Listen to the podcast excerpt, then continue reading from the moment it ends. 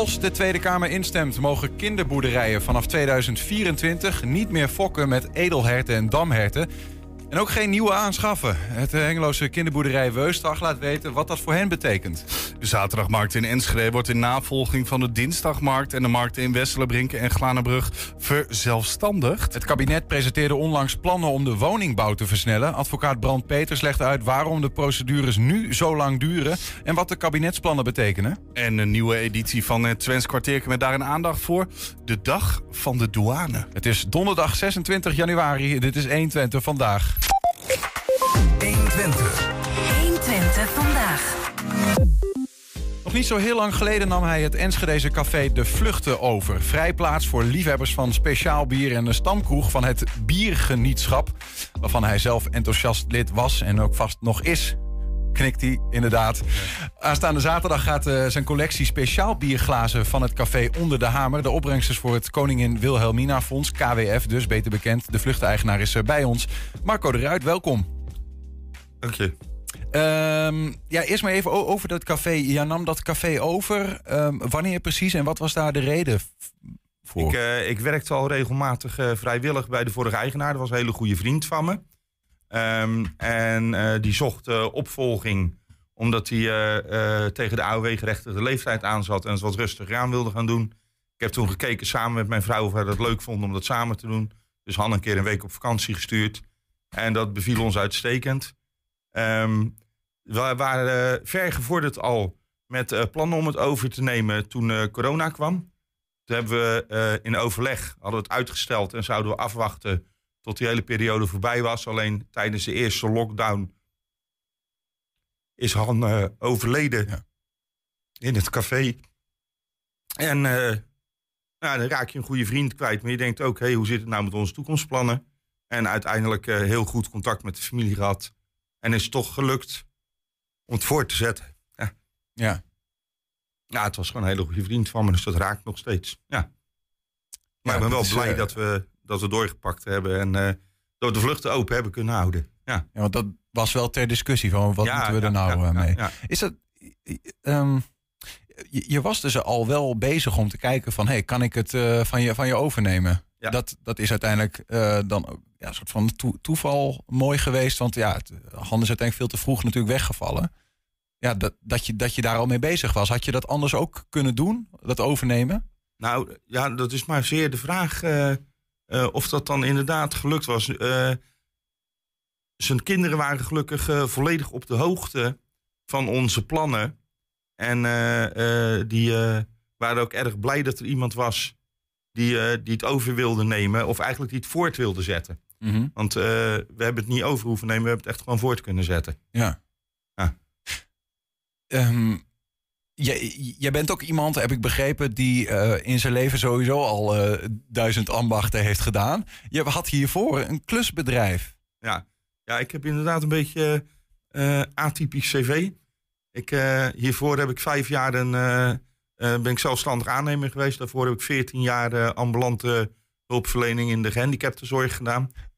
En eh, ja, ik heb altijd gekeken van wat komt op mijn pad. En eh, geen plannen gesmeten tot aan je pensioen. Maar eh, gewoon wat komt op mijn pad en heb ik daar zin in, ga ik dat doen. Ja. Ja, en, en mezelf een keer beloofd, ik ga nooit meer met tegenzin naar mijn werk.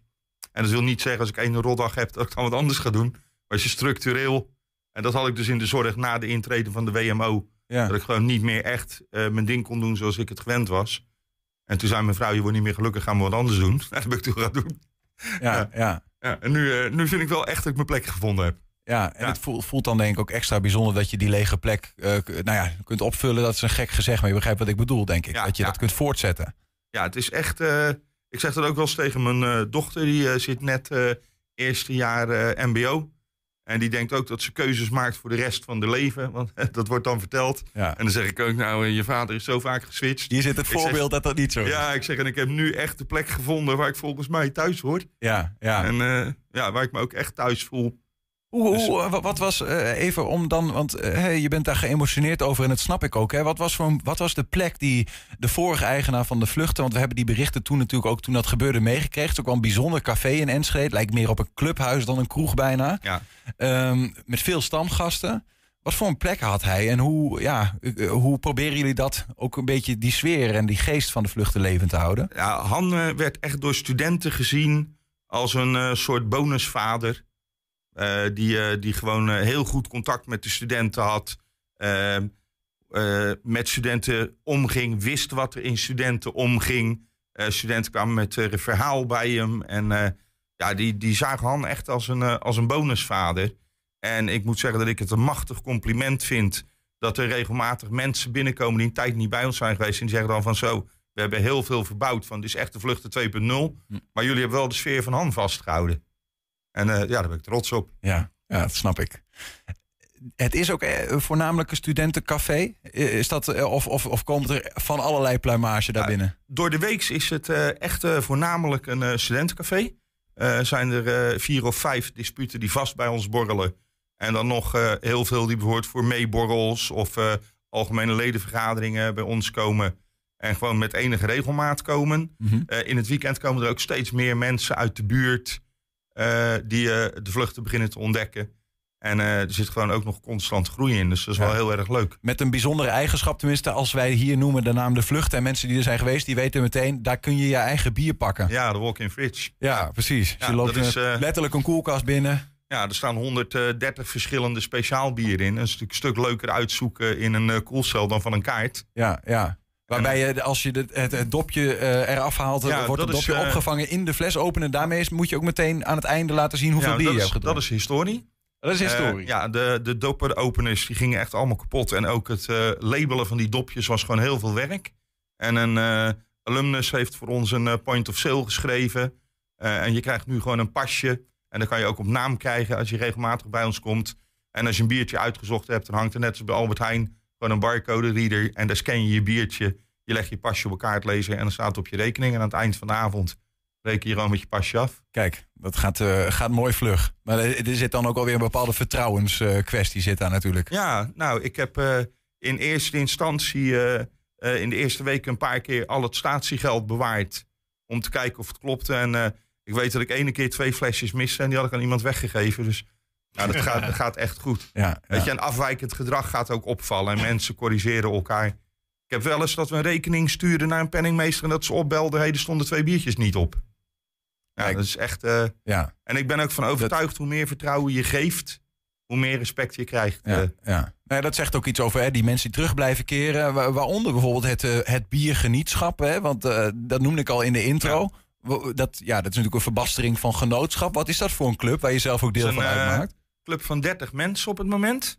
En eh, we komen één keer in de maand bij elkaar. En daar zitten eh, bierliefhebbers bij, er zitten brouwers bij. eh, mensen die eh, op andere manieren professioneel met bier te maken hebben.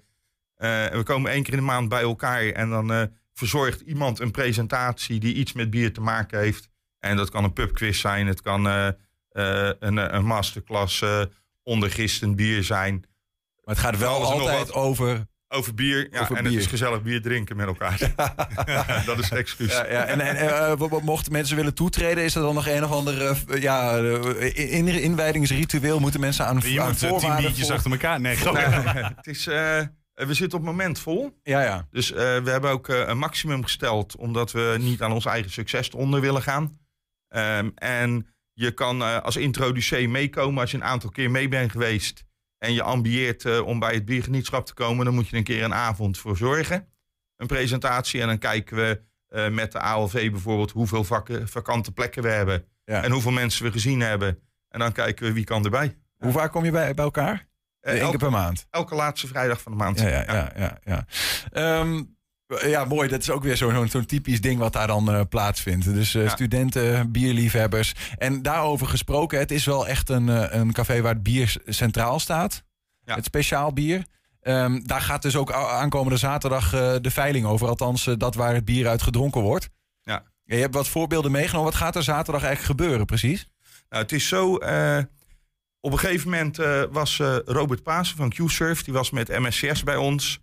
En eh, die vroeg eh, naar een speciaal bierglas. En toen vertelde ik hem dat we over zijn gegaan op allemaal dezelfde glazen. Het TQ-glas. Mhm. En eh, toen zei ik tegen hem, ik zeg, ik heb nog 2000 speciaal bierglazen staan. Ik weet niet wat ik ermee moet. En dat was ook gewoon heel erg bewerkelijk. En die jongen die dook er gelijk helemaal in. En met zijn bedrijf doen ze elke keer mee aan de Alp d'Huez voor eh, KWF. En die kwam gelijk met het idee, eh, als wij het organiseren, mogen we ze dan verkopen voor het KWF. En ik dacht, nou, dat vind ik echt een fantastisch doel. Ik bedoel, iedereen kent eh, wel iemand in zijn omgeving die eh, de strijd tegen kanker voert of verloren heeft. En gelukkig zijn er ook steeds meer mensen die het winnen. En dat heeft echt te maken met gedegen onderzoek. En daar is KWF gewoon heel erg belangrijk in. Ja, ja. Dus toen heb ik, ge- ja, ik vond het een prachtig plan. Ik zei, nou, laten we dat organiseren. Wij doen 25% bij elk verkocht glas. En ik hoop gewoon dat we morgen flink bij moeten lappen. Ja, dat- er zijn er veel glazen verkocht. ja, ja. Eh, hoeveel is het bedrag wat je op wil halen dan? Nou, we hebben 2000 glazen staan. We rekenen een euro per glas. Eh, er zitten wat hele exclusieve bij, eh, zoals eh, het kwakglas. En, eh, Ja, laten hou hem even omhoog. We hebben een Ja. camera in de hoek. Nou, dan die, dan Het kwakglas is misschien wel een van de meest bekende in de Ja. zandlopervorm. Ja, Ja, daar hoop ik dus wel van dat die iets meer op gaan brengen. Uh, daar moet En je het- dus nooit te snel uit het leuke drinken, wordt- Niels, want dan heb je een nat gezicht. Ja, dat klopt. Dat klopt. Ja. Maar al die speciaal bierglazen die hebben ook een speciale functie. Het is natuurlijk aan de ene kant een marketing iets, hè, wat eh, bierbrouwers doen. Maar bijvoorbeeld een trippelglas.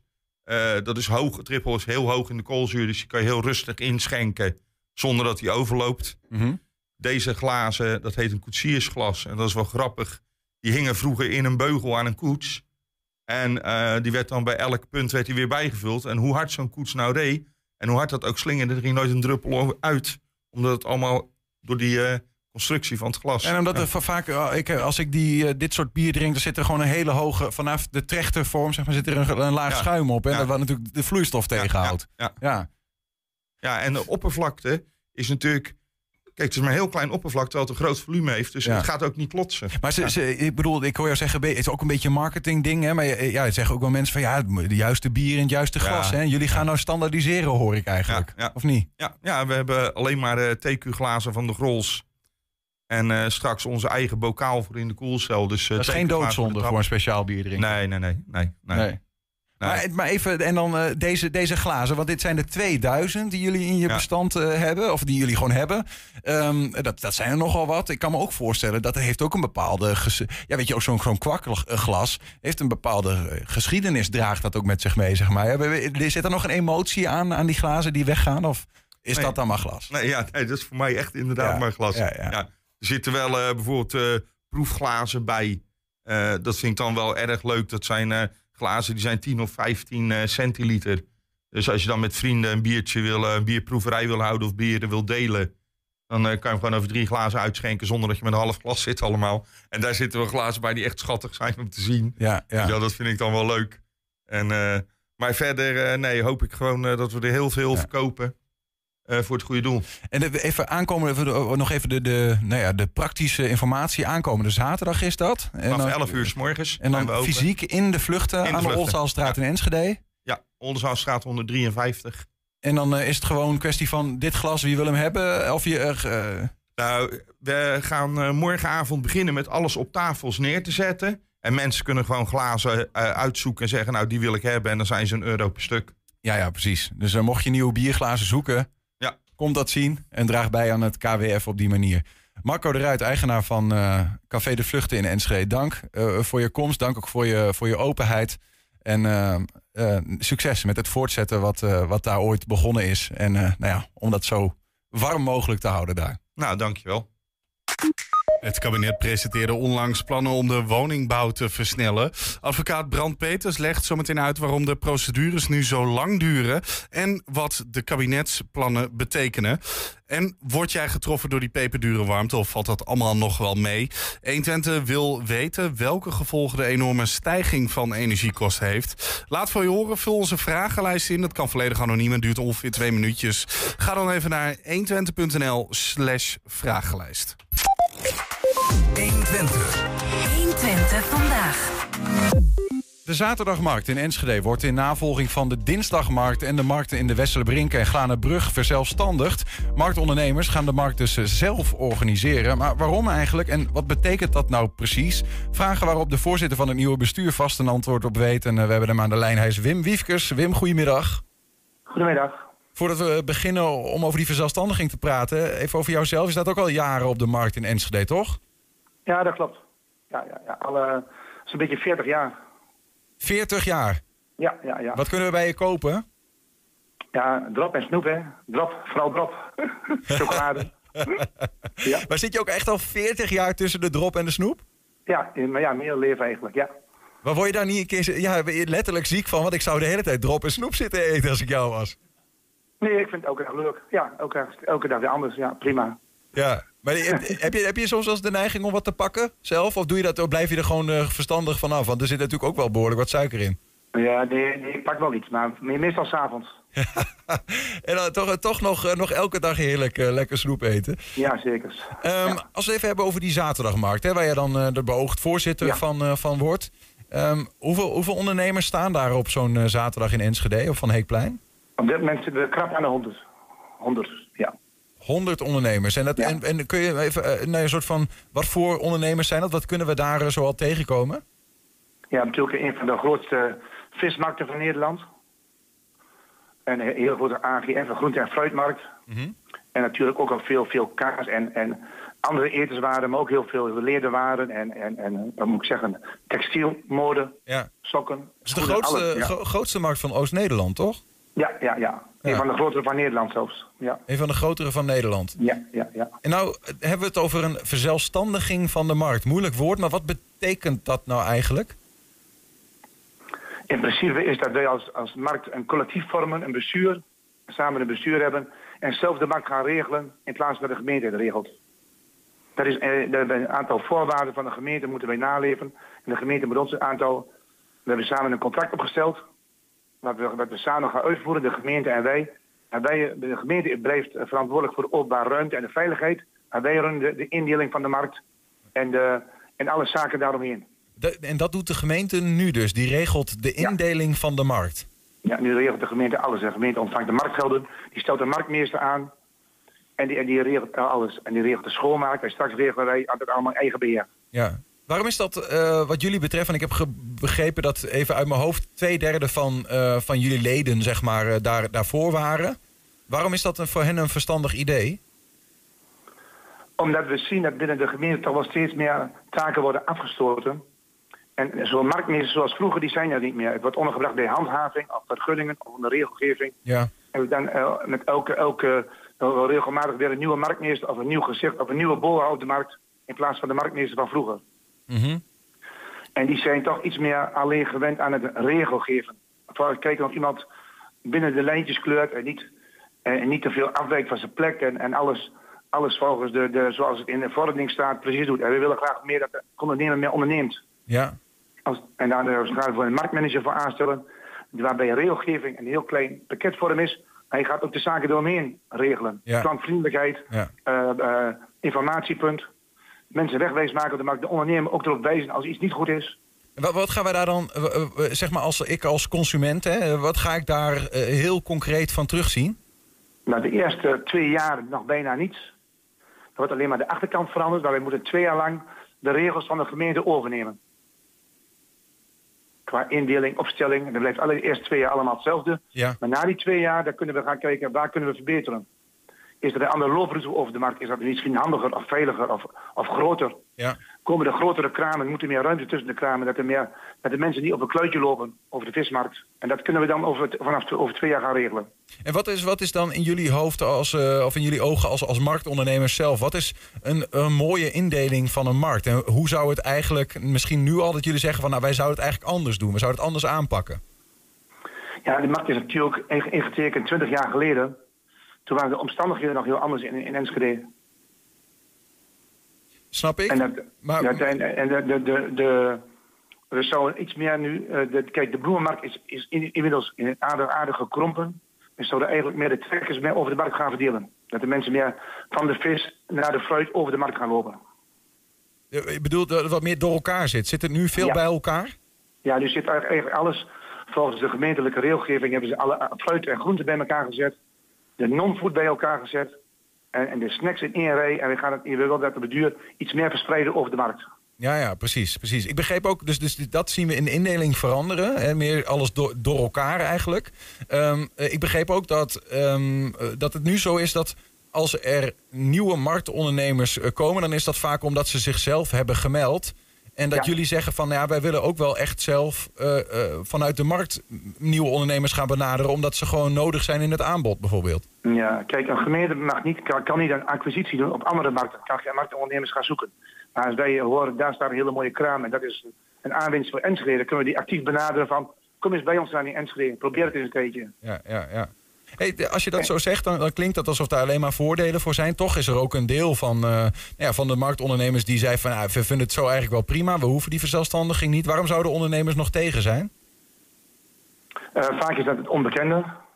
Wat brengt de verzelfstandiging mee? Maar inmiddels zijn in, de eerste, in, in, eh, rond, in Enschede, in Twente, al aardig, aardig aan een aantal markten verzelfstandigd. Onder Haaksburg inmiddels al meer dan tien jaar. Rees en is al verzelfstandigd. Ja, En in de Achterhoek een aantal markten. En we zien toch wel dat die koudwaterangst, die koudwatervrees wel wegneemt. We zien allemaal dat de besturen uiterst het best doen om die markten succesvol te houden. Omdat zij zelf ook op die markt staan. nou ja precies. Maar toch, Ja. toch ook, al, ook al zien ze dat dat goed gaat... eh, zijn er nog steeds marktondernemers in Enschede die zeggen van... Nou, ik vind eigenlijk die verzelfstandiging niet nodig. Ja, en dat zijn toch vaak de, de mensen die net een beetje, ja, die, die hoe moet ik dat zeggen? Kijk, eh, als je op de markt staat, dan mag je bij, bij de gemeente mag je, je afmelden. Mhm. En je mag je tien keer afmelden, twaalf keer per jaar afmelden, zonder dat daar iets tegen, zonder dat er iets gedaan wordt. Wij zeggen gewoon van, als ondernemer ben je er 48 keer per jaar. Ja, ja. Er komen ook wel wat, eh, wat striktere regels. Zo van, ja, we Ja, willen een goede ja. markt hebben en er staan regels tegenover. Ja, en, en niet dat als het 's morgens regent, dat dat meteen een, aantal lege plekken zijn. Ja, en dat betekent als Dat iemand zich niet aan die, aan die regels houdt... dat hij ook zijn plek op de markt kan verliezen. Nee, dat, zo is het nog niet. Maar eh, dat doen we natuurlijk niet, maar we gaan in gesprek met die mensen van, pas jij wel bij deze markt? Wil je, wil je hier wel graag staan? Ja, Want als je hier graag wilt staan, dan moet je toch iets actiever worden. Om die markt goed te houden, want die markt maken we samen. En eh, terug te komen op wat je vertelde over de indeling van die zaterdagmarkt in Enschede. Daar wil je misschien wel wat aan veranderen. Je kijkt wel wat is er nou nodig en kunnen we die ondernemers hier naartoe halen. Betekent dat ook dat je eh, soms tegen ondernemers zegt... Ja, jullie passen nu, je past nu niet meer in nou ja, wat wij als zaterdagmarkt beogen in Enschede. Dus dat ze hun stand kunnen kwijtraken bijvoorbeeld? Nee, dat kan niet. Nee. Dat kan alleen in het geval dat een bijdrage niet, niet, niet, voldoen. Nou, als je de huur van je, van je winkel niet betaalt, ja, dan werkt het ook niet. Kijk, ze moeten wel de bijdrage voldoen, maar dan gaan natuurlijk wel. En dan valt die marktmanager is daarvoor om ook die ondernemers meer, te, meer eh, omhoog te, te helpen. Juist ja, ja precies. Ja, mee te trekken in, in- om toch maar het publiek op zaterdag naar Enschede te houden. En vooral de mensen naar de, graag naar de binnenstad laten komen. Is er een, een, een soort marktkraam waarvan jullie zeggen... dat hebben we nog niet, moet er wel komen? Ja, dat zijn er wel meer, maar op dit moment eh, onder de gemeentelijke regelgeving, en ja, het is helemaal eh, heel technisch voor dit, die hebben een branchering vastgesteld. En die is heel ruim, ook heel beperkt. Als jij, zeg maar, je bent een hele mooie Italiaanse overhemden komt op de markt, wat het nu niet is, dan, dan, dan meld je je aan in, de- in de branche textiel. Ja, zegt de gemeente, hebben we er genoeg van. Terwijl het allemaal andere textiel is als jij verkoopt. Als Ja. de die jij verkoopt. Ja, ja, en precies. straks kunnen we, zeggen, kunnen we zeggen, we kijken naar het product en de kraam van, dat hebben we niet, dat kan er prima bij. Ja, maar geef eens wat voorbeelden waarvan je zegt... nou, als wij de vrije hand zouden hebben, zou dat erbij komen? Of is dat de onmogelijkheid op dit moment? Nee, wat ik zeg, die- een mooie, een mooie, Ja. mooie Ja. hebben we een behoefte aan, herenwoorden hebben we behoefte Ja, aan. ja, ja. Iedereen, elke, elke ondernemer in de, in de, of de meeste ondernemers in de, in de, in de mode, die, die, die zich nu allemaal op de jurk en de, de, de, op de jonge, jonge dames. En wij zoeken ook iets voor klassieke, eh, andere mensen. Ja. Ja, klassieke eh, mode. ehm, en dan kunnen we eruit zoeken. En, en, en eh, eh, je hoopt denk ik ook hiermee nou meer mensen naar de markt te trekken. Je gaat ook meer promoten.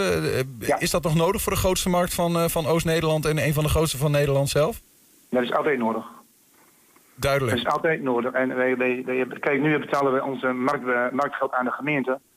En, en, van, en van dat enorme bedrag, dan gaat een heel stuk op aan overheidskosten binnen de gemeente. Mhm. Wel 25 tot 30 procent. Waar wij niks van terugzien. Oké. En straks, de marktbijdrage blijft gelijk voor iedereen. Alleen die 30 procent kunnen wij inzetten voor promotie. Mhm. Oké, En- en dat eh, willen we dus gaan doen. Bijkomend voordeel nog. Dan heb ik nog één vraag eh, aan je, Wim. Eh, eh, wij, wij zijn bezig met een onderzoek eh, hoe, hoe de energiearmoede of de hoge energiekosten nou ja, in huishoudens er eh, eh, toeslaat eigenlijk. Eh, hoe zit dat eigenlijk bij marktondernemers? Hè? Wat merken jullie van die hoge prijzen in de energie, maar ook eh, hoge eh, productprijzen bijvoorbeeld? Ja, we zien natuurlijk stijgende, stijgende kosten overal. Maar de, de energieprijzen liggen op de markt vooral in de opslag. In, in, de, in, de, in de thuissituatie, Ja, in de magazijnen, in de koelcellen. Ja, Maar ja, op de, de markt natuurlijk, ja, we doen dikke trui aan en we doen goede schoenen aan. ja. En voor de rest, eh, ja, op de markt merken we daar niet, we staan altijd buiten, de zomers en winters. Nee, maar eh, hebben jullie daar in die, zin, eh, in die zin last van? Hè? Als die depots eh, goed verwarmd moeten worden eh, of juist eh, kou- koud moeten blijven, hè? dat je daar op een manier eh, last van die energieprijzen hebt? Ja, tuurlijk, heeft iedereen last van, ja. Hoe zien we dat? Zien we dat terug in, de, in duurdere prijzen van, in, in de producten bijvoorbeeld? Of hoe proberen Ja, jullie dat- dat? Wij zijn altijd heel, heel, heel, heel terughoudend met, met het eh, verhogen van prijzen eigenlijk. De, de, de kleine zelfstandige is daar gewoon een beetje huiverig voor. Die zegt van nou, dan ga ik liever eh, een week minder op vakantie. Dan kan ik, mijn klanten ook. Maar ja, op een gegeven moment kom je daar natuurlijk niet aan. Nee, nee, dus dat is ook nog wel een, eh, een, een dans die jullie daar doen met eh, de stijgende prijzen. En ja, en dat is wel mooi dat we niet verzelfstandig worden. Maar we zien alle markten die verzelfstandig zijn, die gaan in ko- kosten qua niet omhoog. Terwijl de gemeente elk jaar de inflatiecorrectie toepast. Oké, nou ja, de- We kijken ook bij de verzelfstandige markt van kunnen wij dan in plaats van die marktmeester of marktmanager, moet hij daar 12 uur per dag lopen? Of, of is 8 uur per dag ook voldoende? Precies. Dus eh, nou ja, voor de Enschede'ers scheelt het misschien ook nog uiteindelijk in de portemonnee dat het verzelfstandig nu.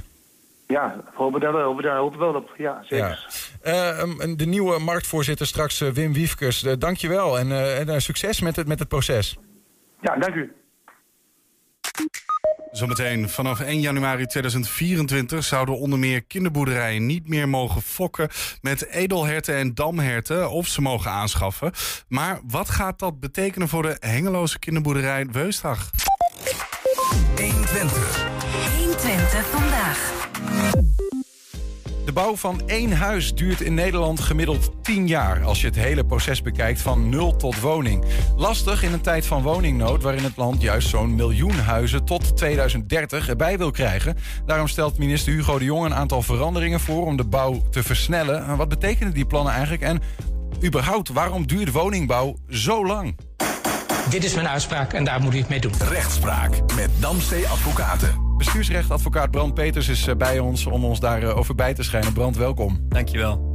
10 jaar gemiddeld voor de bouw van een huis. Althans, eenmaal van niks tot woning Ja. gemiddeld. Ik las het inderdaad eh, vorige week. En eh, ja, ik snap dat mensen daar ontzettend van schrikken. Vooral in deze tijd. Ja, En ehm, ja, ik, ik, ik heb het gelezen en ik zie dat, eh, dat de eerste vijf jaar... eh, nou ja, die wordt, wordt vooral gebruikt voor de, aan de tekentafel. En, eh, nou ja, en als advocaat kom je natuurlijk eh, pas daarna in zicht. Mhm. Maar nou ja, ik, ik schrik daar ook van. En ik denk dat het, eh, dat het goed is dat daar kritisch naar gekeken wordt. ja, ja. Nou ja, de- nu, zijn het, nu zijn het dus plannen om inderdaad van die 10 jaar gemiddeld... wat dus inderdaad gaat niet alleen maar over het steen op steen leggen of whatever... maar ook over de procedures eromheen, om die terug te brengen. Er is zelfs gezegd, ja, we, we zien voorbeelden dat het in drie jaar kan en zelfs sneller. Ehm, eh, daarvoor zijn een aantal, ehm, aantal maatregelen, zeg maar, eh, die, die zijn nu voorgesteld aan de Tweede Kamer. Eh, als we die zo even een beetje voor de geest halen, wat, wat zijn dat dan voor maatregelen? Ja, kijk, ehm, dan hebben we het vooral over het juridische aspect. Want Ja. dat is natuurlijk waar wij mee bezig zijn. En ik heb gelezen dat Hugo de Jonge die stelt voor om één beroepsprocedure te schrappen. Mhm. En even voor, voor het beeld, dat is wel, wel van belang denk ik.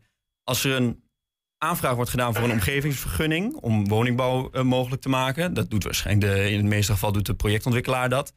En ehm, omwonenden die schrikken daarvan bijvoorbeeld. Die, die zien dat er een omgevingsvergunning eh, is verleend. Dan kun je daar als omwonende, belanghebbende, kun je daar bezwaar tegen maken. Ja, Gewoon een concreet voorbeeld. eh, ik heb thuis heb ik een mooi weiland voor de deur. Ik heb dat huis gekocht destijds omdat ik wil genieten van het uitzicht. En ik zie, eh, ik zie op internet dat er eh, op overheid.nl, zie ik, of in het gemeenteblad, zie ik er is een eh, omgevingsvergunning verleend aan een projectontwikkelaar voor de realisatie van een flat ja, ja, of, ja, bijvoorbeeld een flat of, of, of tien woningen. Of ik op dat weiland waar jij zo'n mooi uitzicht had. Op dat weiland inderdaad. En nou, dan heb je de mogelijkheid om binnen zes weken daar bezwaar tegen aan te tekenen. Als jij belanghebbende bent. Dus het kan niet zo zijn dat jij in Hengelo woont bijvoorbeeld. En, en ergens tien kilometer verderop ben je het niet mee eens dat daar een, eh, een, een project komt. Dan kun je daar geen eh, bezwaar tegen maken. Maar als jij feitelijk hinder daarvan ondervindt of feitelijke effecten daarvan eh, van, van ondervindt, dan kun je bezwaar maken. Ja, En dan moet vervolgens moet de overheid, in dit geval de gemeente, en dan nog specifieker het college van burgemeester en wethouder van de gemeente, die moet een besluit op dat bezwaar gaan nemen. En dan moeten zij volledig heroverwegen wat zij hebben besloten. En eh, vervolgens is er een besluit op bezwaar. Nou, dan ben je al een, eh, wellicht een half jaar verder. Of, eh, en dan kun je als eh, bezwaarmaker kun je daar vervolgens tegen in beroep. Ja. bij, de, bij de bestuursrechter. Nou, dan moet de bestuursrechter, die, die gaat dat beoordelen. Nou, in, in, als, dat, als, als de bestuursrechter besluit dat, dat, dat het college van burgemeesters en wethouders niet in redelijkheid heeft kunnen besluiten om zo'n omgevingsvergunning te verlenen, dan wordt in de meeste gevallen wordt dat, eh, die omgevingsvergunning vervolgens teruggestuurd naar het college, die weer een nieuw besluit moeten nemen. En dan kun je vervolgens eh, eh, tegen die uitspraak van de bestuursrechter kun je weer in hoger beroep bij de Raad van State. Ja, ja. En het plan van Hugo de Jonge is om die, die tussenlaag bij de bestuursrechter, om die te schrappen. Mhm. En dat je na bezwaar direct naar de hoogste bestuursrechter gaat. Want even ehm, dat hele proces wat jij eh, nu voorlegt, hè, dat is, er moet een vergunning zijn om te bouwen. Nou ja, omwonenden kunnen daar wat van vinden en die kunnen daaraan, eh, daarvan wat van vinden tot aan de hoogste bestuursrechter. Stel dat ze de hele tijd nul op het request krijgen. Hoe lang k- kan zo'n proces duren? Hoe lang kun je daarmee eigenlijk een bouwproces vertragen? Ja, wat, wat wij lezen nu, en dat zie je ook in de praktijk, dat dat soms wel eh, vanaf bezwaar maken, het eerste moment, tot aan een uitspraak bij de hoogste bestuursrechter, dat dat soms wel vijf tot zes jaar kan duren. Of vier, vijf, zes jaar gemiddeld. Ook omdat er, eh, er is eh, ondercapaciteit bij de, bij de gemeente. Eh, er is, bij de rechtbank hebben we gezien, vorige week overal gelezen. Ja. Bij de Raad van State. Dus het is, is ook heel logisch. Alleen het probleem daarbij is wel dat, en dat is ook wat, wat Hugo de Jonge nu, nu terecht opmerkt, waarschijnlijk, dat als projectontwikkelaar wil je zo snel mogelijk starten met de bouw van die woningen. En je krijgt daar een omgevingsvergunning voor. Dat is het besluit. Dan kunnen, zij, kunnen omwonenden daar vervolgens bezwaar tegen maken. En dat bezwaar heeft in theorie geen schorsende werking. Dus in principe, als jij een besluit krijgt, je krijgt een besluit, je krijgt een omgevingsvergunning, dan kun je beginnen met de start. Ja, dan Van- kan de projectontwikkelaar gaan Ja, bouwen. Je hebt, een, je hebt een omgevingsvergunning. Dat bezwaar zorgt er niet voor dat die, dat die omgevingsvergunning verdwijnt. Nee. Ook vervolgens, als je vervolgens in beroep gaat, omgevingsvergunning blijft staan. Ga je in hoger beroep, als je elke keer nul op het request krijgt, blijft staan. Dus die vijf jaren waarin dat hele bezwaar en beroep ding dient, kan de projectontwikkelaar al lang dat huis hebben neergezet, Ja. bij wijze van. Alleen het grote probleem daarbij is dat je bouwt dan voor eigen risico. Als je bij de hoogste bestuursrechter uiteindelijk die omgevingsvergunning onderuit gaat, dan moet je alles afbreken. Ja, ja, ja, ja. ja. Dus een bank verstrekt daar ook geen hypotheek voor. Nee, dus oftewel, wat de projectontwikkelaar misschien goed om dat even te noemen, dat is een bedrijf dat zegt van hé, ik ga bouwen en ik ga mijn gebouw uiteindelijk verkopen of verhuren, waardoor ik er eh, geld, investeringen voor terug verdien. Ja, en, en die kan best op het moment dat hij die omgevingsvergunning krijgt, allerlei potentiële kopers hebben voor die, voor die woningen. Ja. Alleen, ehm, die krijgen daarvoor geen hypotheek. En Ja. het kan best zijn dat in die vijf jaar, eh, dat daar de, de, zoals we nu hebben gezien, dat de, dat de bouwkosten ontzettend stijgen, de rente stijgt. Ja, ja. Hey, eh, die bestuursrechterlaag, zeg jij, die wordt eruit gesloopt. Dus oftewel, ik heb. eh, ik, Ja, dat is ik ben een voorstel. Nou, dat is het voor- Ja. voorstel. Ik- Ik ben het dus niet eens met eh, de omgevingsvergunning die door de gemeente is afgegeven. Want ik wil die flat niet in, die, in dat weiland. Ehm, eh, dan krijg ik vervolgens nul op het request. Wij mogen toch die, vergeven, die vergunning afgeven. Dan ga ik meteen naar de Raad van State om te zeggen: ik ben het niet eens met de gemeente. Ehm, dat is toch ook een soort van. ehm, dat versnelt het proces, dat snap ik. Maar die bestuursrechten zitten niet voor niets tussen, toch? Nee, absoluut. Kijk, dit is een. eh, en dat is meer een politieke vraag natuurlijk. Maar je hebt aan de ene kant heb je het belang van de woningcrisis. Dat er, dat er snel woning gebouwd moet worden. Maar aan de andere kant heb je het belang van rechtsbescherming. Het is natuurlijk niet voor niets dat er zo'n tussenlaag tussen zit. We willen allemaal dat je het recht hebt. eh, dat er naar jouw besluiten gekeken wordt op een goede manier. En dat je daar ook één keer voor naar de rechter kan. Maar dat je dat nog een keer kan laten toetsen. Ja. Alleen op dit moment speelt natuurlijk de. Ja, dus, en dat is niet, gelukkig niet de vraag die ik hoef te beantwoorden. Maar die, die vraag die speelt in de politiek: van je hebt aan de ene kant de woningbouw en aan de andere kant de rechtsbescherming. Ja, eigenlijk zegt Hugo de Jonge van de. Eigenlijk is degene die, de, die, eh, nee, die klaagt over, eh, die, die, over de vergunning. Hè, die, de, die de flat niet in het weiland wil, die is beter beschermd dan degene die een woning zoekt. en die flat eigenlijk nodig heeft om in te wonen. Dat zegt hij en dat willen ze meer gelijk trekken. Ehm, eh, eh, tegelijkertijd kun je zeggen, als je de bestuursrechterlaag eruit sloopt, komt er meer druk uiteindelijk bij de Raad van State. Nou heb ik wel eens begrepen dat de Raad van State al tot hier vol zit Ja. met eh, zaken. Ja, want ik heb ook in het voorstel van Hugo de Jonge gelezen dat het, dat het de bedoeling is dat binnen een half jaar uitspraak wordt gedaan. Nou ja, er zijn bij andere, bij bijvoorbeeld het vaststellen van bestemmingsplannen, is dat ook het idee. Mhm. Als er een, voordat het, dat het een beetje technisch wordt, maar als het crisis- en herstelwet van toepassing is, dan is ook het idee dat er binnen een half jaar een uitspraak komt. Maar die, die uitspraken worden ook vaak niet gehaald, omdat inderdaad wat je zegt, de Raad van State zit tot hier in het werk. En ik heb net nog even voor de uitzending snel, eh, snel gecheckt. Op dit moment hebben we 55 staatsraden. Dat zijn dus de rechters bij de Raad van State. Dan moet je je voorstellen dat die allemaal meteen geconfronteerd hiermee worden. Ja, dan, dan is een half jaar is een mooie ambitie. Ja. Maar ja, dat zal waarschijnlijk niet de praktijk worden. Nee, precies. Dus de- de- ook hier zitten nog wel wat kanttekeningen van of dit, eh, dit, als het door de Tweede Kamer komt, überhaupt voor eh, heel veel versnelling zal gaan zorgen. Ja, absoluut. Ja, maar je hebt natuurlijk wel... Kijk, de versnelling zit er natuurlijk wel in als die, als die, eh, die, die eerste beroepslaag weggaat. Dat geeft natuurlijk versnelling. Maar ja, binnen een half jaar zou niet lukken. Nee. Ehm, daar heb ik ook begrepen dat advocaten blijkbaar deze nou ja, procedures, die soms dus vijf jaar lang kunnen duren, eh, ook wel eens gebruiken om hun cliënt, die bezwaar maakt tegen die flat, eh, eigenlijk te helpen om die in ieder geval de procedure te vertragen. Nou ja, dat, dat kan zijn dat je dat zegt. Alleen, ehm, kijk, als advocaat eh, voer je geen, geen kansarme procedures. Dat is, lijkt me niet verstandig. Alleen, en ik denk ook dat, dat de terechte kritiek is op dit moment. Kijk, als jij tegenover dat, dat weiland woont, waar we het over hebben gehad. Kijk, dan moeten er kansrijke eh, eh, gronden zijn om daar tegen op te treden. Dat klopt. Alleen een belang van omwonenden is ook altijd om eh, dat dat niet zo snel mogelijk Ja. ontstaat. En als jij bezwaar maakt en in beroep gaat en in een hoger beroep, ja, dan is de realiteit wel dat die schep niet eh, morgen in de grond gaat, maar waarschijnlijk over zes jaar. Ja, precies. Nee, maar goed, het, ik vond het interessant om te horen, omdat blijkbaar dan de democratie en het democratisch proces, waardoor dingen soms langer duren, dat die ook gebruikt wordt als een soort van eh, ja, tactiek eh, of een vertragingstactiek in de bouw eigenlijk. Om, nou ja, om klagers tegemoet te komen, om zo hun belangen bij te staan, om het zo te zeggen. Ja, klagers klinkt vervelend, maar iemand die gewoon liever niet dat uitzicht bes Ja, besmet ziet. klopt. En het is natuurlijk niet. kijk, nu wordt een hele. moet ook niet. Dat we een te negatieve tendens daarover. Want er, moeten ook gewoon, er is gewoon grondige besluitvorming nodig. En ehm, kijk, daarom zegt Hugo de Jonge ook terecht dat er veel geïnvesteerd moet worden in capaciteit bij de overheden. Omdat het is belangrijk dat er, ehm, dat er gedegen besluiten worden genomen, zodat deze niet onderuit gaan. Ja, ja. Nou, om dat nog even te benoemen, hè, want het, de, de, we hebben het nu vooral gehad over bezwaar en beroep, omdat dat ook eh, jouw vakgebied is. Jij, jij staat de mensen bij die uiteindelijk in bezwaar gaan en in beroep gaan en, eh, tegen bouwplannen.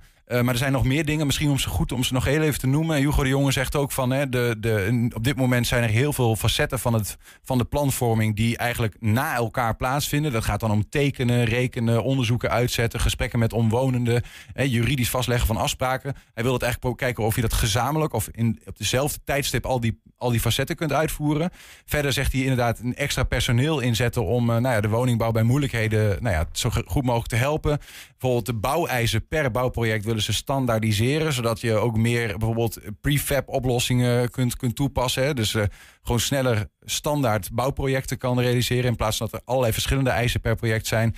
En er komt nog versnellingstafels. Ja, dat zou dan een soort van overheid, eh, overleg worden tussen de overheid, corporaties en marktpartijen als er knelpunten zijn. Maar dat, dat hebben we dan maar gezegd. Ja. Dat zijn de plannen. Bezwaar en beroep, daar zit jij eh, vooral in. De, dank in ieder geval voor deze uitleg, Brand. Ik heb nog wel een vraag stel dat dit er nou doorkomt. Ehm, dan dan eh, hebben jullie ook minder werk uiteindelijk, toch? Nou, ja, nou ja, dat wil ik niet zeggen. Want je zegt net dat. eh, kijk, wij staan, natuurlijk, wij staan natuurlijk niet alleen de mensen bij die eh, de zogenaamde klagers, zoals jij het noemt. Wat ik niet helemaal een terechte term vind. Ja, maar- hoe moet, hoe moet ik ze noemen? Mensen die? Ja, gedupe, ja, ja, gedupeerden misschien. Of, ja, of eh, mensen die zich willen mengen in de, in de procedure. ja. Dat kan ook. Ja, en, eh, bij deze noemen ze zo. Ik wil dat ja. ook niet negatief afschilderen. Nee, maar we staan natuurlijk ook eh, de, de projectontwikkelaar bij, of de overheid die, die, die, wij, die wij ondersteunen bij het, eh, bij het nemen van een gedegen besluit. Dus in dat opzicht eh, zijn nog- we daar niet zo bang voor. Genoeg, genoeg werk nog, ja. ja. Nou, het voordeel is in ieder geval zeker dat, mocht het in drie jaar lukken, dat we wat sneller woningen hebben waar mensen in kunnen wonen. En nou, afgezien van aantal juridische kwesties die hier wel nog wel interessant aan, aan zijn. Brand Peters, dankjewel voor je komst. Dankjewel voor de, voor de uitleg. En tot de volgende keer, dan gaan we weer een andere bestuursrechtkwestie bespreken. Tot de volgende. Jo. Straks een nieuwe editie van het Twents kwartierken met daarin aandacht voor de dag van de douane. 120. 120 vandaag. Het ministerie van Landbouw, Natuur en Voedselkwaliteit wil het houden van herten gaan verbieden. Vanaf 1 januari 2024 zouden onder meer kinderboerderijen niet meer mogen fokken met edelherten en damherten of ze mogen aanschaffen. De Tweede Kamer stemt hier vandaag over. Aan de telefoon is Chim Weijering, hij is beheerder van de Hengeloze kinderboerderij Weustdag. Chim, goedemiddag. Goedemiddag. Is de stemming inmiddels achter de rug of zijn ze nog bezig? Ik heb eh, eerlijk zeggen dat ik op het laatste stukje niet gevolgd heb. Omdat ik op jullie telefoontje heb gewacht. Ja, ja, ja, ja, ja. maar goed, dus het zou maar net kunnen dat ze al gestemd hebben. Maar la- la- laten we dat dan eh, inderdaad nog even bekijken. Eh, Ja. wanneer hoorde jij dit, eh, dat dit eraan zat te komen? Wij dachten, ja, herten horen toch eigenlijk gewoon thuis op een kinderboerderij. Ehm, ja, als je er ruimte voor hebt, eh, vind ik het inderdaad een, eh, een, mooi verlengstukje van, eh, van, van, eh, van het, eh, de dieren die je hebt, zeg maar. Ja, dat vind ik wel. En wij hebben een heel mooi grote, grote ruimte daarvoor. En eh, eh, eigenlijk is de kinderboerderij ontstaan vanuit het hertenkamp. Dus ja, ja, ja. Ja, nee, goed, eh, over die, die, die ruimte, eh, daar gaat het ook eh, eigenlijk eh, vooral over. Laten we daar zo meteen verder over gaan, want daar gaat ook de vraag eigenlijk rondom het verbod, waarom dat er zou moeten komen, dat gaat daar deels over. Eerst even, Ja. we gingen vanmiddag even bij jullie eh, kijken, even kijken wat, hoe dat ging. De Tweede Kamer heeft het erover dat ze eh herten houden willen verbieden. Wat vind je daarvan? Nou, ik vind het eh, een niet zo goed doordacht idee. Omdat, eh, nou ja, er wordt gezegd dat ze heel gevaarlijk zijn. Maar we staan er nu bij in. Is niks aan de hand eigenlijk, als we zelf ook rustig leven.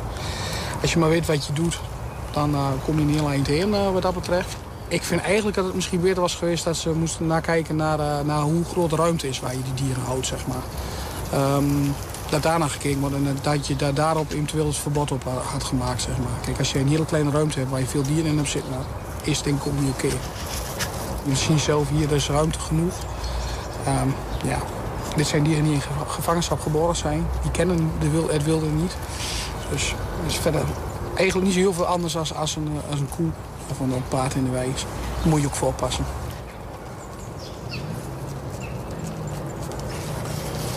Ja, Jim, eh, je- zei, zei in deze video waar we even op bezoek waren vanmiddag bij jullie, eh, noemde je al wel een reden voor het verbod, hè? Die, die ruimte die nodig is. Dat heeft te maken met een soort van v- vluchtreactie die blijkbaar eh, herten hebben.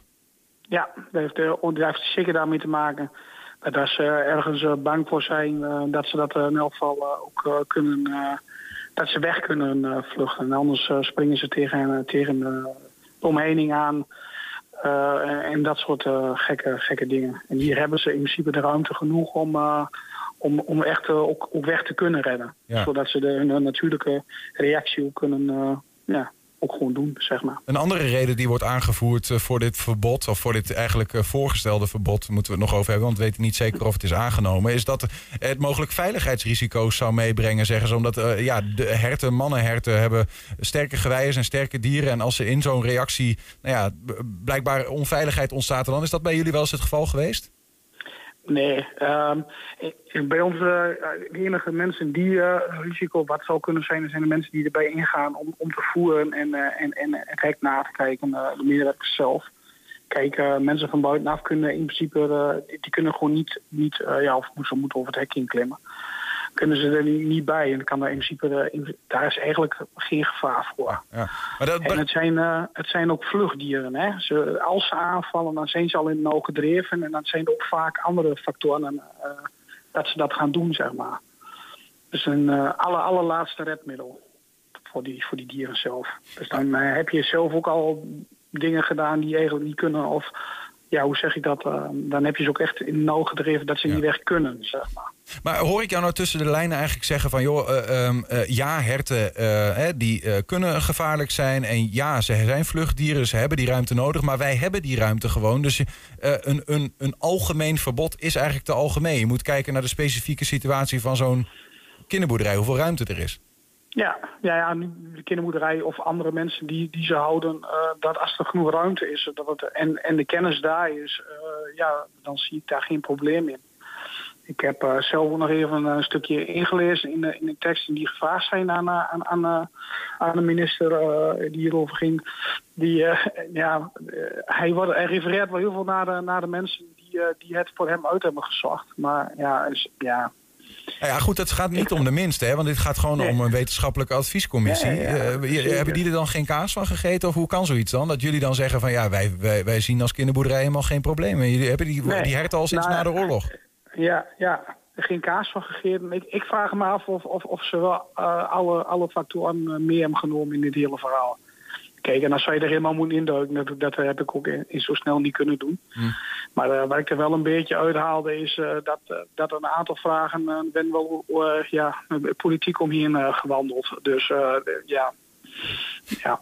Nou ja, goed. ik, ik, ik, ik moet ook eerlijk zeggen, ik heb wel wat van meer gekregen, maar ik moet ook eerlijk zeggen dat ik dacht van, nou, ik denk dat ze het niet aandurven om het te doen. Dus, maar goed, ik ben heel benieuwd wat de stemming gaat doen en, en hoe het dan daadwerkelijk ook zich eh, gaat, eh, ja, hoe ze dat dan gaan mededelen dat, eh, dat het niet meer mag. Kijk, eh, wij, eh, onze dieren kunnen nou zich al niet voorplanten, dus dat, dat treft hem dat al. eh, ja, en dat zou moeten uitsterven eh, als het zo is. En volgens mij eh, mag dat dan ook binnen de kaders. Want hoe, hoe zit dat Wat precies? Stel dat, dat, dat de Tweede Kamer inderdaad zegt... nou, dat verbod dat nemen we aan. De, eh, moeten jullie dan per direct je, je herten wegdoen of hoe werkt dat? Nou ja, zover als ik het gelezen heb, heb ik, heb ik en, en- ik het begrepen heb, laten we dat eventjes zo zeggen, is dat er, dat er niet meer meer gevat mag worden. En dat er een soort uitsterfbeleid voor gemaakt wordt. Zeg ja. maar. Dat is zo, en en dan, dan kunnen dieren blijven hier totdat eh, de laatste overleden is. Hoe, lang dan, eh, hoe lang kunnen die van jullie nog mee?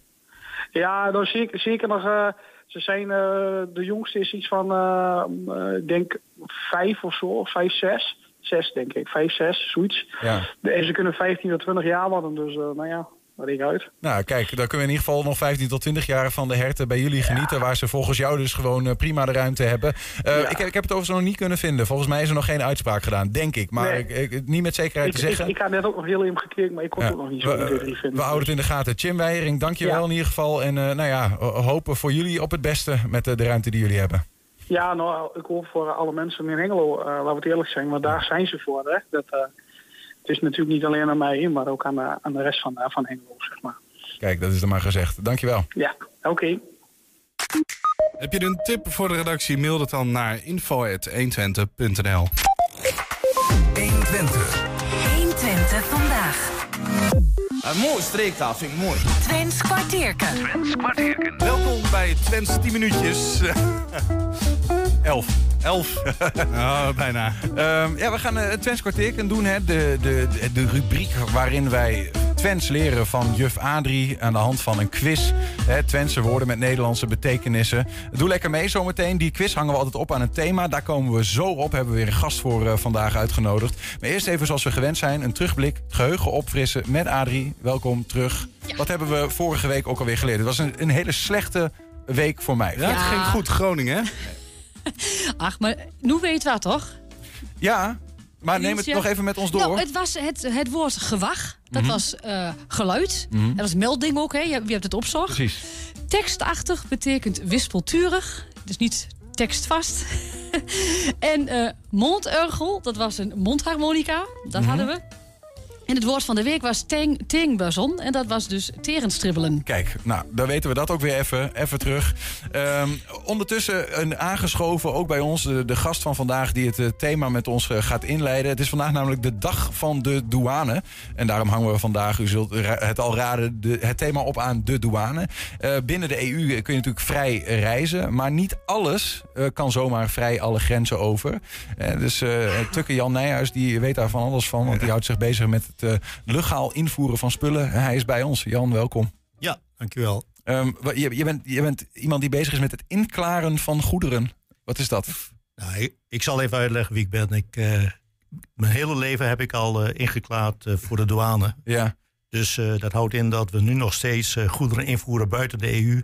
Maar niet meer aan de grens hier in de Lutte, maar in Rotterdam, Schiphol Cargo en andere buitenhavens, Hamburg, et cetera. Ja, ja. Maar, en, en, maar wat doe je dan als je inklaart? Want wat je dus eerder blijkbaar in Rotterdam deed, op, eh, op, ja, of eerder in, hier in de, in, deed aan de grens en nu bij, in Rotterdam bijvoorbeeld? Ja, vroeger aan de grens was het natuurlijk, dat was voor 93. Eh, toen was er nog een grens tussen Duitsland en Nederland. Ja. Ja, toen was het nog gewoon de vrachtwagenchauffeur, papiertje in het loket en een stempel erop en rijden maar. Mhm. maar. Maar dat gaat nu via de elektronische snelweg. Ja. Dus eh, het is allemaal online en eh, de, de containers komen in Hamburg binnen en in Rotterdam.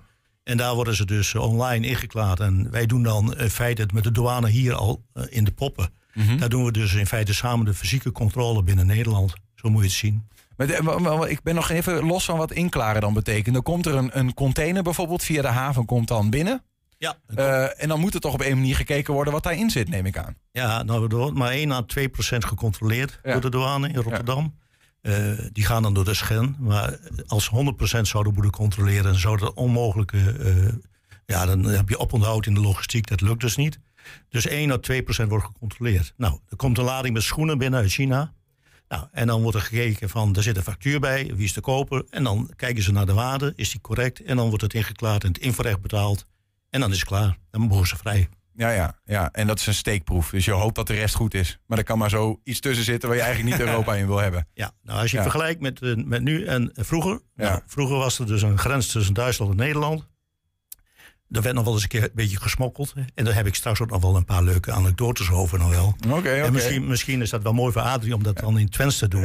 Oh, dat vind ik ook leuk. Maar hou die even vast, want Ja. eh, anekdotes houden we zeker van. Smokkelanekdotes. Maar even, want we kondigden dit zo aan door te zeggen dat, eh, dat er nu nog steeds wel ook wel grenzen binnen Europa bestaan voor het vervoeren van spullen van het ene naar het andere land. Hoe zit dat dan precies? Nou ja, binnen Europa vervoer van eh, goederen is nog steeds onder, onder eh, dat is nog voor, eh, voor de accijnsgoederen. Ja. Niet voor eh, gewone vrije goederen. Hoe worden die dan gecheckt? Of hoe worden, zit daar, komt daar nog een douane aan te pas? Nee, nee, nee. De douane die eh, gaat alleen maar kijken op meldingen via de elektronische snelweg. Ja. Waar verdachte transacties zijn. En daar gaat de douane op af.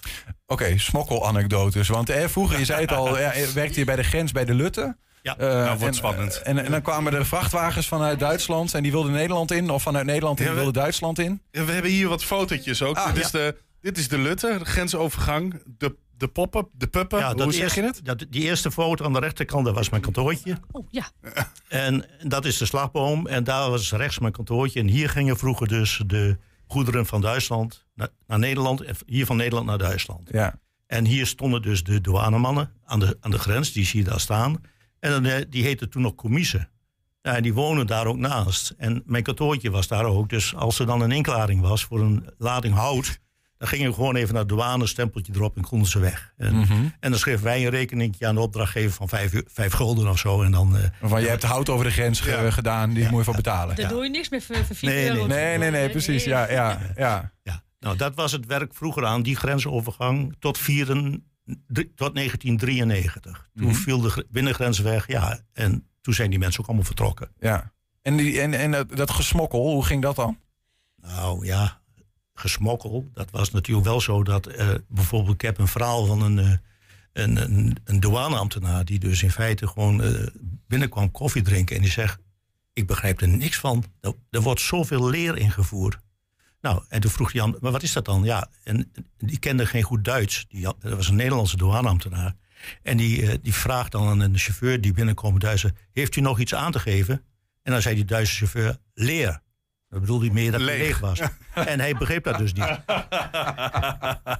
Ja, nee, dat is, dat is niet echt een smokkelverhaal, maar wel een mooi verhaal. Ja, maar die heeft misschien wel gesmokkeld. Want hij zegt dat hij leer was. Misschien zat hij wel vol met lading. Ja, ja, ja, ja, ja, ja, ja. Maar goed, vervolgens kreeg zijn opdrachtgever een, eh, een, een de tekening van je hebt leer geïmporteerd. Die moet je voor, voor betalen. Ja, precies. Ja, maar dat was maar 5 euro. Vijf gulden. Eh, Heb je nog meer van dat, dat ja, soort... eh, ja, ik heb nog wel. Kijk, het was zo dat eh, er was een periode altijd van. Er kwamen heel veel bloembollen van Nederland naar Duitsland. Er was een periode, dus eh, in Nederland werden die bloembollen ge- gekweekt en dan die gingen dan naar Duitsland. En dan was dat een periode in de herfst. Was het heel druk bij de Duitse douane voor dat inklaren. Nou, en dan eh, daarna, als dat voorbij was, dan was het een beetje eh, minder werk. En dan hadden ze weer rust. En dan hadden ze een beetje gespaard, want ze kregen zo'n fooi van de chauffeurs. En dan hielden ze altijd een, eh, een, een, een feestavond, de Duitse douane. Aan de Duitse kant bij Nieman. Nou, en in die periode eh, maakte ik niet alleen eh, die, die papieren klaar voor de grens, maar ook, ik speelde ook in een bandje. Dus ik ging daar s'avonds met met mijn band ging ik daar spelen. En dan werd er gedanst en een biertje gedronken door die ambtenaren. En het mooiste was dan, als het afgelopen was, de andere dag had ik een probleempje gehad bij de douane. Ja, dan had ik natuurlijk wel een beetje een, een, een, ja, hoe heet dat, een voorrecht. Ja, ja, ja. ja. En, en daar maakte ik geen misbruik van, maar wel eens gebruik van natuurlijk. Ja, mooi als je op zo'n positie zit. Dan heb je toch een macht, hè? Maar, maar Enschede heeft natuurlijk ook een hele befaamde overgang. Had je daar ook mee van doen? Want je hebt, je hebt, je hebt zelf een, een, een zaak eh, wat in de Lutte eh, op de grens ligt. Maar eh, de overgang in Enschede? Ja, de Glanenbrug. Ja, hier zien we hem eventjes. Ja, ja. Glanenbrug was ook zo'n grens. Daar zaten wij niet, maar had ik collega's wie, als eh, Expert Holland en Karma en noem maar op. Gerlach zat er ook. En daar hadden we goede contacten mee. En dan was het altijd eh, één keer per jaar. Dan was het eh, in Noord-Rijn-Westfalen. daar was het dus geen zondag. Maar, nee, Noord-Rijn-Westfalen was zondag en, en Niedersachsen niet. Dan zat de grens in Groningen zat dicht. En dan was in de, in de Lutte was de grens wel open. Er ging al het verkeer wat van, via Glanenbrug ging. Dat moest dan via de Lutte de- eruit. Nou, en da- daardoor hadden we een prima samenwerking met de bedrijven hier in Enschede. Ja. Mis je het? Deze, deze eh, fysieke grenzen hier zo vlakbij? Tuurlijk, tuurlijk. Tuurlijk mis ik dat. Dat was nostalgie. Dat, was dan, dat waren mooie tijden. Ja, ik denk dat de gemiddelde mensen het mist als kiespijn, eerlijk gezegd. Ja. Een douaneambtenaar kan de, die vindt grenzen heerlijk, denk ik dan. Ja, ja. Nee, Ehm, maar, maar dat gaat, het gaat nu anders. Dus Ja. het is eh, nu allemaal anders. Veel, het is niet meer persoonlijk. Je hebt geen contacten meer met ambtenaren. Het gaat via eh, dus de elektronische snelweg, e-mail. eh. Maar dat is toch balen? ja, dat is balen. Ja. Ja. Maar goed, ik doe dat niet meer. Dat doet mijn zoon. Dus ik ben inmiddels 76. Dus, Arie komt ja, ja, ja, Ja, ja, ja. ja, ik was laatst nog was ik in de winkel. Moest ik een brief, een aangetekende brief weg, wegbrengen in de Lutte bij de post. En toen, eh, toen eh, zagen ze dat ik dus die dag jarig was. Was het 3 januari. En toen zei 4 ik, januari ben je hoe, jarig. hoe oud ben je dan? Ik zeg 67. En eh, oh, dan geloofde die man, die geloofde wel. Er staat daar nog een dame aan, de, aan het loket. En ik draai zich om. Dat is een medewerkster van mijn bedrijf, Ria. Oh nee Jan, proficiat. Nee, je bent 76 hoor. Zeg, Die denkt, deze man moet ik even eh, in de Ja. gaten houden. Die gaat de verkeerde kant op. Ja, ja, ja. Wordt ook gesmokkeld met nummers dus, Ja, uiteindelijk. ja, ja, ja, ja, ja. Ehm, Jan, eh, leuk dat je dat in ieder geval even met ons wilde delen. We gaan natuurlijk nu naar de les van juf Adrie op basis van eh, thema douane. Doe je nog even met ons mee? Ja, Hoe is jouw Twents? Ja, dat schiet wel. Dat geeft waar. Ja. Ehm, Adrie, je hebt eh, weer drie eh Twentse woorden voor ons voorbereid. En daar telkens drie Nederlandse betekenissen. Eén daarvan is maar goed. En wij moeten ja, raden, beredeneren, weten welke. Ik sta hier goed, hè? Zeker, dat, denk dat ik moet wel. denk ik wel goed komen. en Anders Ja, hè? zegt vanzelf iemand er wat over. Ja, of Ja. iets dichter bij de, eh, hoe, iets dichter bij de Zo? ding. Ja, ach, Ja? prima. Adrie. Oh, nou. Nou, wat zou dat zijn? Mhm. Is dat, eh, is dat imitatie? Hè? Je Ja. kunt de, je kunt de eh, inhoud van een vrachtwagen eh, controleren. Mhm. Is dat rechtdoor van... Het is allemaal goed met, de met, met de inhoud, ga maar rechtdoor. Ja. Of is het iets goed nakijken? Dus inhoud goed nakijken. Wat is liekhoed? Liek oet. Ja. Imitatie, rechtdoor of goed nakijken? Ja, ehm, ik, ik denk eh, imitatie, omdat het, eh, het ziet van liek lijken, het lijkt er, en liek oet, het, het lijkt erop. Het ziet er oet als het liekt. Het, er, ja. Is een samenvoeging Ja. tussen liekt op en ziet er oet als. Nee, volgens mij is het gewoon Ik- rechtdoor. Ja, ik denk ook dat het rechtdoor is. Oh, ja, eh, ja, ik heb, ik heb er weinig eh, verklaring voor. Maar ik denk dat Ligoed... Ah, li, du moet, ah, je wil- feuren Ligoed, jong. Ligoed. Ja, immer geradeaus. Ligoed. Eh, Oké, oké, oké. Er moet verschil moeten zijn. Hè? Ik, ik bedoel, eh, ja. Eh, ik heb vorige week al heel veel fouten gemaakt. Ik hoop eigenlijk dat dit goed is. Maar ja, we kunnen, er kan maar één antwoord goed zijn, Arie. ja, Gaan we even nou, kijken. Wij vullen in ieder geval in antwoord nummer A. want- want daar gaat Niels Ja. voor. Ja, gaan- en het En is, en het is, en het is, ja, sorry jongens, maar, eh, sorry Niels, maar eh, de andere heren, die hadden, die hadden het gehoord. Het is rechtdoor. Iemand, Liekhoed de grens houden. Ja. Daar heb je ook Oh, liek zeggen. als in gelijk. Ja, Hup, gelijk. Ja. ja. Eh, gelijk, niet, niet die kant gelijk. Liek goed. Recht vooruit. Ja. Oké, oké. Oké. Eh, het woord twee. is toch mooi, Liekhoed. Prachtig. Zeker. Eh Ousheer, dat is eigenlijk wel een beetje Duits. Maar dat, ik weet niet of Jan dat weet. Het is een heel, Nee. oud, het is een heel oud woord. Nee, dat ken is ik het eh, A, vreemdeling? Die staat natuurlijk wel eens aan de, aan de grens. Is het een charmeur? Of is het een Duitse douanebeambte? Ausheer. Vreemdeling, Ausheer. charmeur of een Duitse douanebeambte. Is Ja, en een dat old woord. beambte past er alleen net niet op. Dat was dus mocht je denken, hey, mis wat. Ja. Eh, Ik denk dat het eh, eh, een vreemdeling is. Een, eh, eh, een, een Ausländer. eh, een beetje dat Duitse erin verweven. Een heer, een vreemdeling. Een buitenlandse meneer. Dat kan een vreemdeling Nou, zijn. vind, vind ik wel een mooie redenering. Ja, ik denk ook. Ja, een uit, eh, uitheer. Iemand Ja, die, iemand eh, die van buiten is. Ja, ja. Oké, wij gaan eh, toch gezamenlijk dan nu voor Ja. vreemdeling. Ja, dit is mijn strategie nu, want dan gaan we in ieder geval met z'n allen. Nee, dat is, dat, ik denk dat het klopt. Ik, Dan vullen nou, wij in antwoord nummer A. ik moet jullie teleurstellen. Het, eh, ja, het is een, ja, het is een Duitse douanebeambte. Het Wat ook een vreemdeling is Ja. voor ons technisch Ja. gezien uit Ja, Twente. sorry jongens, maar het staat in het Dijkhuis, in het boek van het boek van Dijkhuis, en het staat in het dialexicon Twents. Dus Ja, nee, ik geloof je wel. Ja. Daar, daar, zit het niet in. Maar we balen er wel ja. We balen er wel van. En maar Jan, Jan. Jan heeft ons ook niet geholpen. Nee, maar dat, Nee, maar Jan is ook wel heel klokken. Hè? Jan en is... nee, eh, dat had ik moeten weten. Derde woord. Grulkus. Grulkes, grulkes. En dat, ik, je, je moet ook een beetje luisteren naar het verhaal van vandaag. Hè. Is dat A, is dat een, een vrachtwagenchauffeur? Een chauffeur van, nou ja, vrachtwagenchauffeur zou het zijn. Is het, zijn het B, grapjes die ze wel eens maakten aan de grens? Of zijn het invoerkosten? Deze is te makkelijk. Ja? Ik zit echt met mijn hand in mijn haar van wat zal het zijn? Als het nu niet goed is, als het nu niet goed is ben ik, ben ik echt de Sjaak inderdaad. Ik maar denk ik weet, dat het van grappen en grollen, grulkes, dat het eh, grapjes zijn. Ja, dat denk ik ook. Ja, ik ook. Jan? Ja, Ja. nee, Ja. hup, B. Dat is Vul dat goed. Adrie, zeg maar, het is goed hè? Ja, Joehoe! Ja. Ja. Jullie hebben het goed. Ja, mooi toch? Mooi woord toch, Gulkes? De eer is gered, zeker ja. Grulkes. Ja, mooi. Er werd nog wel wat grulkes uitgehaald daar, denk ik, bij de douane. En die Nou. over de titel, hè? Ehm, we hebben nog één woord te gaan. Daarmee gaan de, gaat in dit geval Casper de straat op. Wij hebben weer een nieuw Twents woord van de week. Dat is deze week lups. Is dat A, dik, B, goedzak of C, draadje? Wij gaan het de mensen vragen. De Twentse taalkennis? Ja. Nou joh, eh maar zes is dat kaas en daar houdt het op. Mijn Twentse taalkennis is Ja. waardeloos eigenlijk. Redelijk, redelijk denk ik. Ik denk niet dat ik daar eh, heel erg goed in ben, maar ik wil het proberen. Lups, betekent dat dik, goedzak of draadje? Ik zou zeggen dik. Zo ga, ga ik voor dik. Het lijkt me, is dit Belgisch? Het is Twents. Dit is Twents. Oh. Volgens mij geen van drie, maar ik weet ook niet wat het dan wel is. Dik.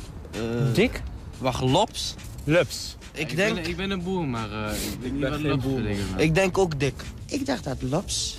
Jij zegt lops, maar ik dacht dat het lops is en dat het goedzak is. Nou, is een gokje, hè? Echt gokken is dit. Misschien Dan, goed. eh, ja, goed zak. Ah, dan denk ik dik. En waarom denkt u dat? Lups, ja, lubbig, groot. Ik denk B. B, goedzak. Waarom denk je dat? Dat is gewoon een gok. Ik eh, zou het echt niet weten. Ik denk draadje. En waarom denkt u dat? Ah, ik weet het niet. Het is een buikgevoel, zeg maar. geeft me een gevoel, ja. Nee, en het gaat om wat lops betekent. Lups, ja. Lups, een draadje. Het, het lupt ergens vanaf, het, het druipt, draad, ja, ik Nou. weet niet. eh. Klinkt gewoon alsof het dik zou moeten zijn. Zo'n beetje lups. Ja, precies. Ach, klinkt wel gezellig. Een lups. Een goed lups. zak, een lups. Dat klinkt gezellig. Ja, klinkt gezellig. Het lijkt een beetje of... of Lobbers. Goeie lobbers. Oh, er is nog een andere versie van dat woord. Ja.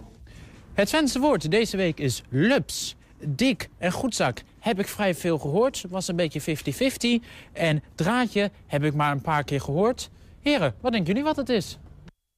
Ja. We- Wij horen je net tijdens de video eh Adrie zeggen, hij spreekt het niet goed uit. Het is lops. Ja, lops. Gewoon zoals je het zegt. Zoals het er staat. Lops. En dan wordt in één keer, één van die antwoorden wordt in één keer heel logisch. Zoals die vrouw hem ook eh, zo logisch bracht. Namelijk, het klinkt een beetje als lobbes. Ja, Als, goedzak. als goedzak. Goedzak. Dus eh, Jan, ken je dit woord? Lops? Ja, nou ja, het- ik denk dat het goedzak is. Ja. Ja, ja. Ja, zullen we gewoon voor goedzak gaan dan? Casper even vragen. Casper heeft het antwoord. Nou ja, het antwoord is toch echt goedzak. Ik hoop dat je het goed had. Nou, Ja, je hè, kijkt. kunnen we in ieder geval, hier kunnen we mee naar huis komen. Wel of niet over de grens. Ehm, Jan Nijhuis, dankjewel dat je bij ons was en even mee wilde doen in het Twents kwartierken. ja, hartstikke. Mooi dan. En Adrie ook bedankt Ja, natuurlijk. hè. Tot door. volgende keer. Ja, en daarmee zijn we aan het einde gekomen van 120 vandaag. Terugkijken, dat kan direct via 120.nl. Vanavond 8 en 10 zijn we ook op televisie te zien. Zometeen op de radio kun je genieten van de kettingreactie. Veel plezier en tot morgen. 120 Weet wat er speelt in Twente. Met nu het nieuws van 5 uur. Ik ben Ingrid Anne Broersen. Goedemiddag. Alle hertenkampen in Nederland gaan verdwijnen. Minister Adema vindt dat de herten in velden en bossen moeten kunnen leven en niet achter een hek. De herten die nu in een kamp zitten mogen daar nog blijven, maar vanaf volgend jaar mag er niet meer met ze gefokt worden. De Nederlandse douane heeft vorig jaar veel meer brieven met drugs onderschreven.